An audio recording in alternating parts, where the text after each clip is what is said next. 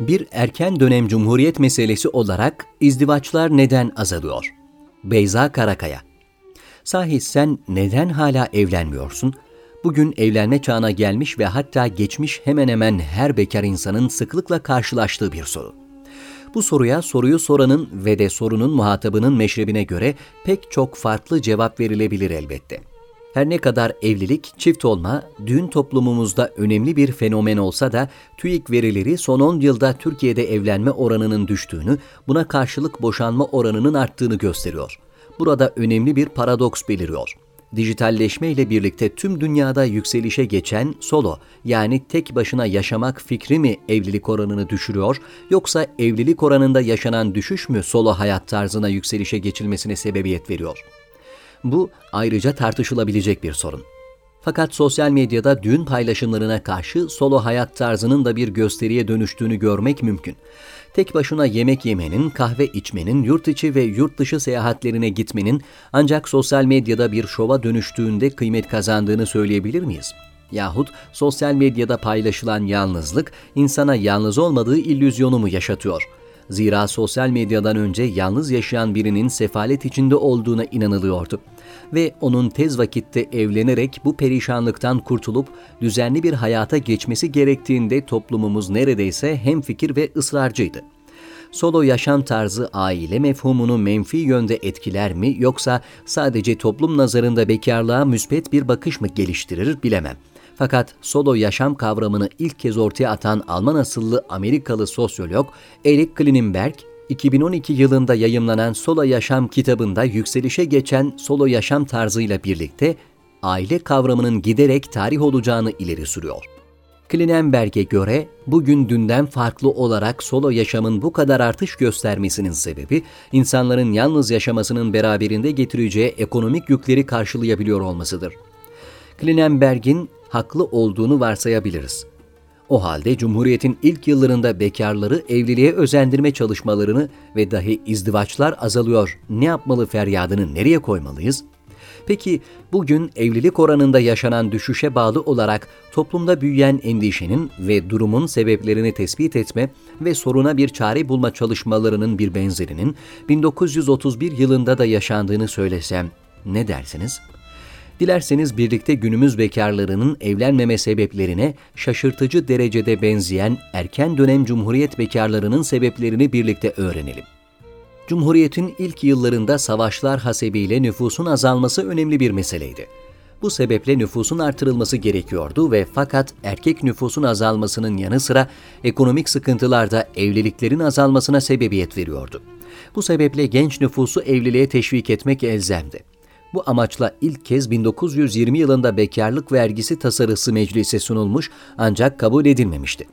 1921 yılında mecburi evlenme kanununu Erzurum mebusu Salih Efendi meclise sunmuştu. Bu kanuna göre askerlik, hapis veya hastalık gibi gerekçeleri olmaksızın 25 yaşına geldiği halde evlenmeyenler evlenene kadar bekarlık vergisi ödemek zorundalardı. Ancak bu kanun mecliste gençlerin zorunlu olarak evlendirilmesi olarak görülmüş ve tartışmalara sebebiyet vermiş ve nihayetinde kanun kabul edilmemiştir. Fakat bu vergi tasarısı zaman zaman tekrar gündeme gelmiştir. 10 Aralık 1931 tarihli Akşam Gazetesi'nin haberine göre Yozgat mebusu Süleyman Sırrı Bey, bekarlık vergisi ihtası için meclise bir kanun layihası teklif etmiştir. Bu layihada 25-45 yaş arası erkeklerin gelir ve mallarına bir mesleği ve geliri olduğu halde 20-35 yaş arası olup henüz evlenmeyen kadınların ve 25-45 yaş arasında olup eşleri ölen fakat çocukları ya da anaları babaları olmayan kadın ve erkeklerin de vergi vermesi yönünde esaslar bulunmaktadır. Her ne kadar bugün distopik bir yöntem gibi görünse de dönemin şartları düşünüldüğünde bekarlık vergisinin evlilikleri ve nüfusu artırmak için önemli bir tasarı olduğunu düşünebiliriz. Yine de evlilik oranının düşüp solo hayatın yükselişe geçtiğini göz önünde bulundurursak gelecekte The Lobster filminde olduğu gibi bekarlığın bir suç olarak sayılıp sayılmayacağını öngörmek mümkün görünmüyor. Bekarlar neden evlenmiyorsunuz? Fatma Gül Demirel'in 2019 yılında yayımlanan Cumhuriyet Kurulurken Hayaller ve Umutlar kitabında Cumhuriyet'in ilk yıllarında yeni rejimin uygulamalarının ve değerlerinin toplum tarafından nasıl karşılandığını görmek için dergilerde yapılan anketlere yer verilmiştir. Bu anketlerde evlilik, kadın, namus, ahiret inancı, dini değerler ve Türklük gibi konular ele alınmıştır. Haftalık Resimli Perşembe dergisinin 11 Şubat 1926 yılında ilan ettiği anket de bunlardan biridir. Bu ankette okuyuculardan evli olanlara neden evlendikleri, bekarlara ise neden evlenmedikleri sorulmuştur. Niçin evlendim anketine cevaplarını gönderen erkekler evlenme sebepleri olarak şunları gösterirler. Tasarruf etmek için, çocuk yetiştirmek için, vatana faydalı evlat yetiştirmek için, hayatta mesut olmak için, nüfusu artırmak için, samimi bir hayat arkadaşı bulmak için, asri ve vatana faydalı evlat yetiştirmek için, millete hizmet için, hayatıma intizam vermek için. Bekarların niçin evlenmedikleri sorusuna verdikleri cevaplarsa dönemin sosyoekonomik yapısını anlamak için ayrı bir önemi haizdir. İzmir iki çeşmelik Ahmet Vecih'in neden evlenmediğini şöyle izah eder. İzmir'in resmi bir dairesi memuruyum. Maaşım ve ayrıca aidatım dahi olduğu halde mahiye 80 lira almakta olduğum dairenin kuyudu resmiyesi ile sabittir. Böyle olmakla beraber memlekette hüsnü ahlakıyla tanınmış ve şimdiye kadar hiç evlenmemişim ve bir erkek için lazım olan evsafı tamamen haiz olduğum halde ve 28 yaşında olmakla beraber evlenemiyorum. Çünkü ana ve babasının evinde nalın giymekten nasırlaşmış ayakları ve sırtındaki entarisinin arşını 25 kuruşu geçmediğini kendi gözüyle görmeyle müşahede ettiğimiz ortalama herhangi bir aile kızına talip olsam 552 bin lira bir ücreti fera yani bir eşya satması gibi ağırlık vesaire istediler.'' Benim ve bilhassa her haliyle bir aileyi müreffeh bir halde geçindirebilecek olan Türk gençlerinin niçin evlenmediklerini tamamen anladınız zannederim. Hürmetlerimle efendim. Borca girmemek için evlenmediğini dile getiren Bandırmalı Ahmet Vecihi ise evlenmeye kalksa yapacağı masrafları şu şekilde listeler.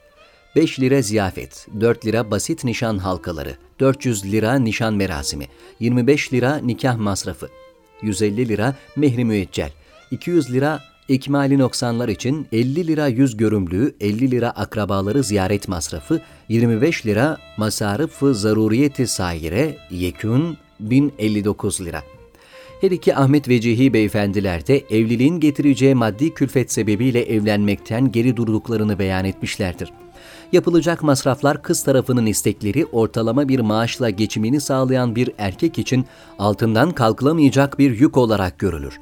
Aradan geçen 93 yıla rağmen bugün soracak olsanız evliliğin ve düğün adetlerinin beraberinde getireceği ekonomik yük hasebiyle evlenmeyen, evlenemeyen gençlerin sayısı azımsanamayacak kadar çok.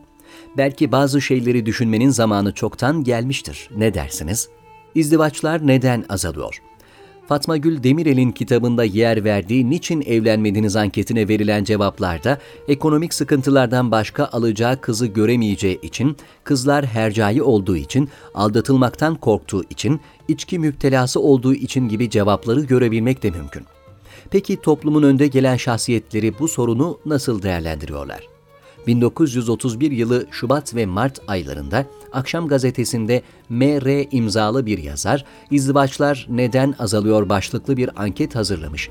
Bu ankette muhataplara izdivaçların neden azaldığı, aile maişiyeti için kadınların rolü, bir yumurta bile pişirmemekle iftihar eden hanımlarla ilgili ne düşünüldüğü, ihtiyar zenginlerle evlilik, Drahoma hakkındaki düşünceleri, bugünkü Türk kadınını güzel bulup bulmadıkları sorulmuş. Her ne kadar anketi hazırlayan kişinin soruları evliliği sürdürmeyi kadının vazifesi olarak gördüğüne işaret etse de sorulara verilen cevapların bugün bile geçerliliğini sürdüren önemli tespitler içerdiğini söyleyebilirim. Bulabildiğim sayılarda bu soruya verilen yanıtlara birlikte bakalım. Akşam gazetesinin 15 Şubat 1931 tarihli sayısında şair Şüküfe Nihal Hanım izdivaçların azalmasının en önemli sebebi olarak iktisadi sorunları görüyor bu düşüncelerini şöyle dile getiriyor. Bugün kendi başının çaresine bakamayan erkek bir de karısının çocuğunun geçinmesini boynuna almak için elbette düşünmek mecburiyetindedir. Sonra muhtelif sebepler yüzünden aile samimiyeti, aile cazibesi azalmıştır. Eskiden erkeğin rahat edebileceği, eğleneceği, sığınacağı yegane yer yuvasıydı. Şimdi hayat öyle geniş, yuvanın haricindeki cazibe öyle kuvvetli ki gençleri temiz bir köşe aramaktan ve bütün bir ömürde bir tek kadına bağlanmak ihtiyacından müstani kılıyor.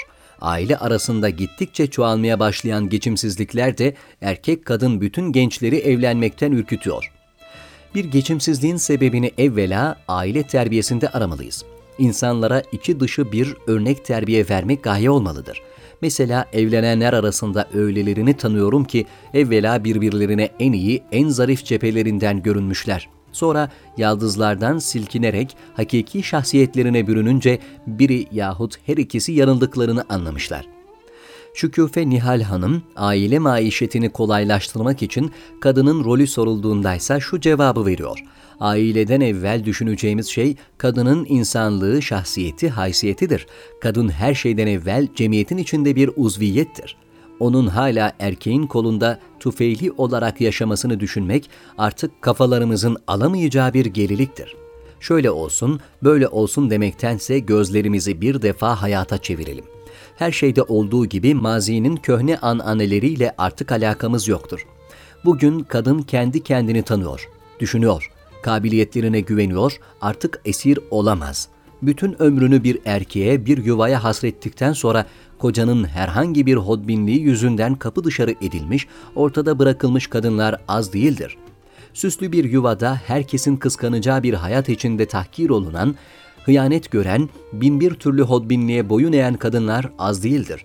İstikbalin kadını artık iktisadi mahrumiyetten kendisini kurtarmalıdır. Kadın erkek münasebeti artık bir fikir ve kalp arkadaşlığı şekline girmeli, aile bu esas üzerine kurulmalıdır.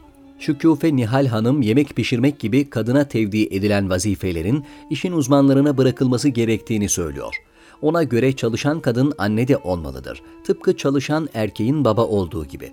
Nihal Hanım bugün bile üzerinde uzlaşılamayan çalışan anne hususunda çok tartışılacak şu sözleri sarf ediyor. Her kadın iyi anne olamıyor. Çocuklarla meşgul olmaktan zevk bulan kadın birçok çocukla cemiyetin bir kısım çocuğuyla meşgul olur bunu kendisine iş edinir. Cemiyet de onun bu kabiliyetinden istifade eder ve çalışacak kadın da hayatını evindeki bir çocuğa bağlamaz. Yoksa kadının vazifesi aile kadın olmaktır. Çocuk yetiştirmektir diye nasıl onun zekasını, sinirlerini büyük gayeler, büyük ihtiraslar peşinde koşmaktan men ederiz. Kadın evde duygularıyla, kalbiyle baş başa kala kala fazla inceleşmiş, adeta marazileşmiştir. Erkek bilakis gittikçe hissizleşiyor, maddileşiyor, iki cins arasında muvazenesizlik çok büyüktür. Kadın kalbiyle yaşamanın cezasını çok çekmiştir. Umumiyetle haşin, maddi olan erkek onu her zaman kırmıştır. Bırakalım kadını hür bir nefes alsın, kukla gibi yalnız beğenilmek arzusundan kurtulsun.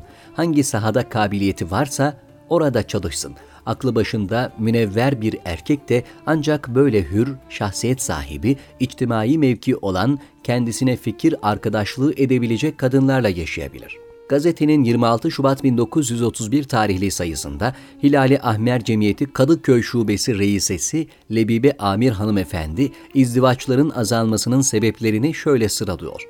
Bunu mahdut birkaç sebebe inhisar ettirmek mümkün değildir maişet darlığı terbiye ve tahsil, hayat telakkisi gibi esasların evlenme bahsinde büyük tesirleri vardır. Evlenmeyi basit telakki edenlerin akıbeti geçimsizlik oluyor. Evlenecek gençler yeni evlilerin geçimsizliğini görüyorlar.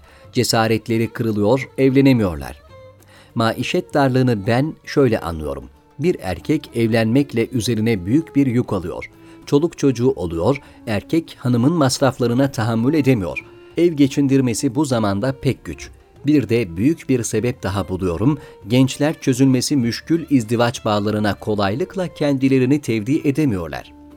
Lebibe Amir Hanım, Şüküfe Nihal Hanım'dan farklı olarak kadınların çalışmaması gerektiğini düşünüyor. Ona göre kadın evinin kadını olmalıdır ve zaruri olmadıkça çalışmamalıdır. Zira yuvayı adam edecek kadındır.'' Lebibe Amir hanımefendi izdivaçların azalmasının müsebbibi olarak da kadınları görüyor. Bu düşüncesini şu sözlerle dile getiriyor. Bugün izdivaçların azalmasında daha ziyade kadın amildir. Çünkü kadınlar erkeğe samimiyet telkin etmiyorlar. Erkek aradığı neşeyi bulamayınca dışarıda eğlence buluyor. Lebibe Amir'le Şükufe Nihal hanımefendiler hiç bir araya gelip bu bahis üzerine tartıştılar mı bilmiyorum fakat bugün olsa bu iki hanımefendinin bir tartışma programında yahut Twitter'da birbirleriyle kıyasıya kapıştıklarını görmek eğlenceli olurdu kanaatindeyim. Cumhuriyet tarihinin ilk ehliyet alan kadını ve ilk kadın otomobil yarışçısı olan Samiye Burhan Cahit hanımefendi, gazetenin 27 Şubat 1931 tarihli sayısında izdivaçların azalmasında en önemli sebep olarak Cihan Harbi'ni görüyor. Diğer tespitlerini ise şöyle dile getiriyor. İzdivaçlar azalıyor çünkü gençler önlerinde fena misaller görerek korkuyorlar. Korkmakta çok haklılar bir aile tesis etmenin ne demek olduğunu bilmeden buna asla teşebbüs etmemelidir. Çünkü bu mesele ne bir saatlik yolculuk ne de iki saatlik hoş geçirilmek istenilen bir sohbet değildir. Yuvayı dişi kuş yapar derler. Evlenecek bir hanımın her şeyden evvel zeki, anlayışlı, makul, bilhassa fedakar olması lazımdır. Evinde böyle bir kadın göremeyen erkek daima muzdarip, daima meyustur. Birçok gençler bunu düşünerek bir yük altına girmemek için az parayla çok eğlenmek yolunu tutuyorlar. Bence evlenmek hususunda en mühim vazifeler kadın hissiyatıyla değil, aklıyla, zekasıyla, kafasıyla hareket etmelidir. Öyle aileler tanırım ki arzularına evlerini feda etmişlerdir.'' 3 Mart 1931 tarihli sayıda İstanbul Kız Lisesi müdiresi Hatice Hanımefendi evliliği bir arkadaşlık tesisi olarak görüyor ve düşüncelerini şöyle izah ediyor. Fikrimce izdivaçlar azalmış değildir. Yalnız biraz geç oluyor. Eskiden her ailenin kızları için gayesi biraz okuyup yazma öğretmek, biraz çeyiz hazırladıktan sonra münasip biriyle evlendirerek istikbalini temin etmekti. Fakat zaman değişti kadın eski seviyesiyle erkeğe arkadaş olamayacak dereceye geldi. Eskiden erkekler 25 yaşında gelince evleniyorlardı. Umumi seviye yükseldiği için erkek hayat arkadaşını münevver kızlar içinden intihap etmeye başladı. Artık bugünkü erkek kapı kapı dolaşıp kendine arkadaş arayamaz. Erkekler arkadaşlarını aynı seviyede, aynı yaştaki kızlarda buluyorlar.'' Bu suretle Darül Fünun'un tahsilini ikmal etmiş 35 yaşında bir adam, kendisine arkadaş edinmek için 18 yaşlarında bulunan tecrübesiz bir kızı intihab edemiyor. Bu itibarla izdivaçlar geç kalıyor. Zannedersem köylerde vaziyet eskisi gibidir. Hatice Hanım, ailelerdeki geçimsizliklerin sebeplerine dairse şu düşüncede. Eskiye nazaran belki daha fazla geçimsizlik oluyor. Evvelce kadın erkeği her adımda takip etmiyordu. Eskiden akşamları erkeğin anlattığı şeylerden haberdar oluyordu. Şimdi öyle mi? Beraber çalışıyorlar, çalışmasalar da kadın her şeye alakadar oluyor.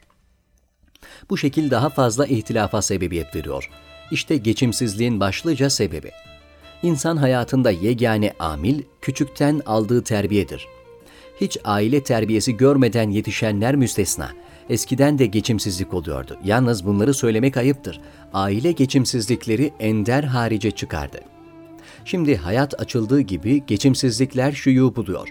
Dünkü kadınlar bir köşede kalmadıkları için yorulmamışlardı. Tahammül kuvvetleri fazlaydı. Şimdi gençler mekteplerde hayatta yoruluyorlar. Tahammül kuvvetleri azalı veriyor. Ufak bir şeyden rencide olarak isyan ediyorlar.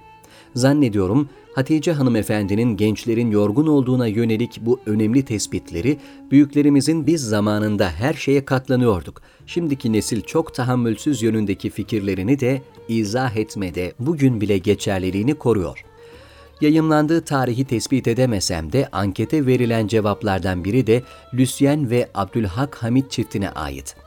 İzdivaçların azalmasına yönelik Lucien hanımefendinin düşünceleri şöyle evlenmekte arkadaşlık hissi azalmıştır. Evvela arkadaşlık tesis etmek lazım. Para veya parasızlık sonra gelir. Öyle kızlar görüyorum ki kendilerini eğlendirecek adam arıyorlar. Hayat uzun bir yoldur. Her türlü tezahürlerine katlanmak lazım. Arkadaşlık hissi azaldığı içindir ki evlenmeler azalıyor. Abdülhak Hamit Tarhan Beyefendi ise ilave ediyor. Bir de metres hayatı da çoğalmıştır. İstediği zaman kurtulamadığı için evlenemiyorlar. 6 Mart 1931 tarihli sayıda 1926 yılında hukuk fakültesinden mezun olan ve dönemin az sayıdaki kadın avukatlarından biri olan Şüküfe Abdurrahman hanımefendinin izdivaçların azalmasına yönelik düşünceleri şu şekilde. Bunlar yek diğerine merbut birçok sebeplerin neticesidir. Bu sebeplerin başlıcalığı iktisadi ve terbiyevidir. İktisadi sebepler umumidir. Harpten sonra bütün milletler iktisadi sarsıntı ve buhranlar hissetmişlerdir. İnsanlar tabii bu iktisadi sıkıntılar içinde aileye tahmil edeceği külfetleri düşünerek aile teşkilinden çekiniyorlar.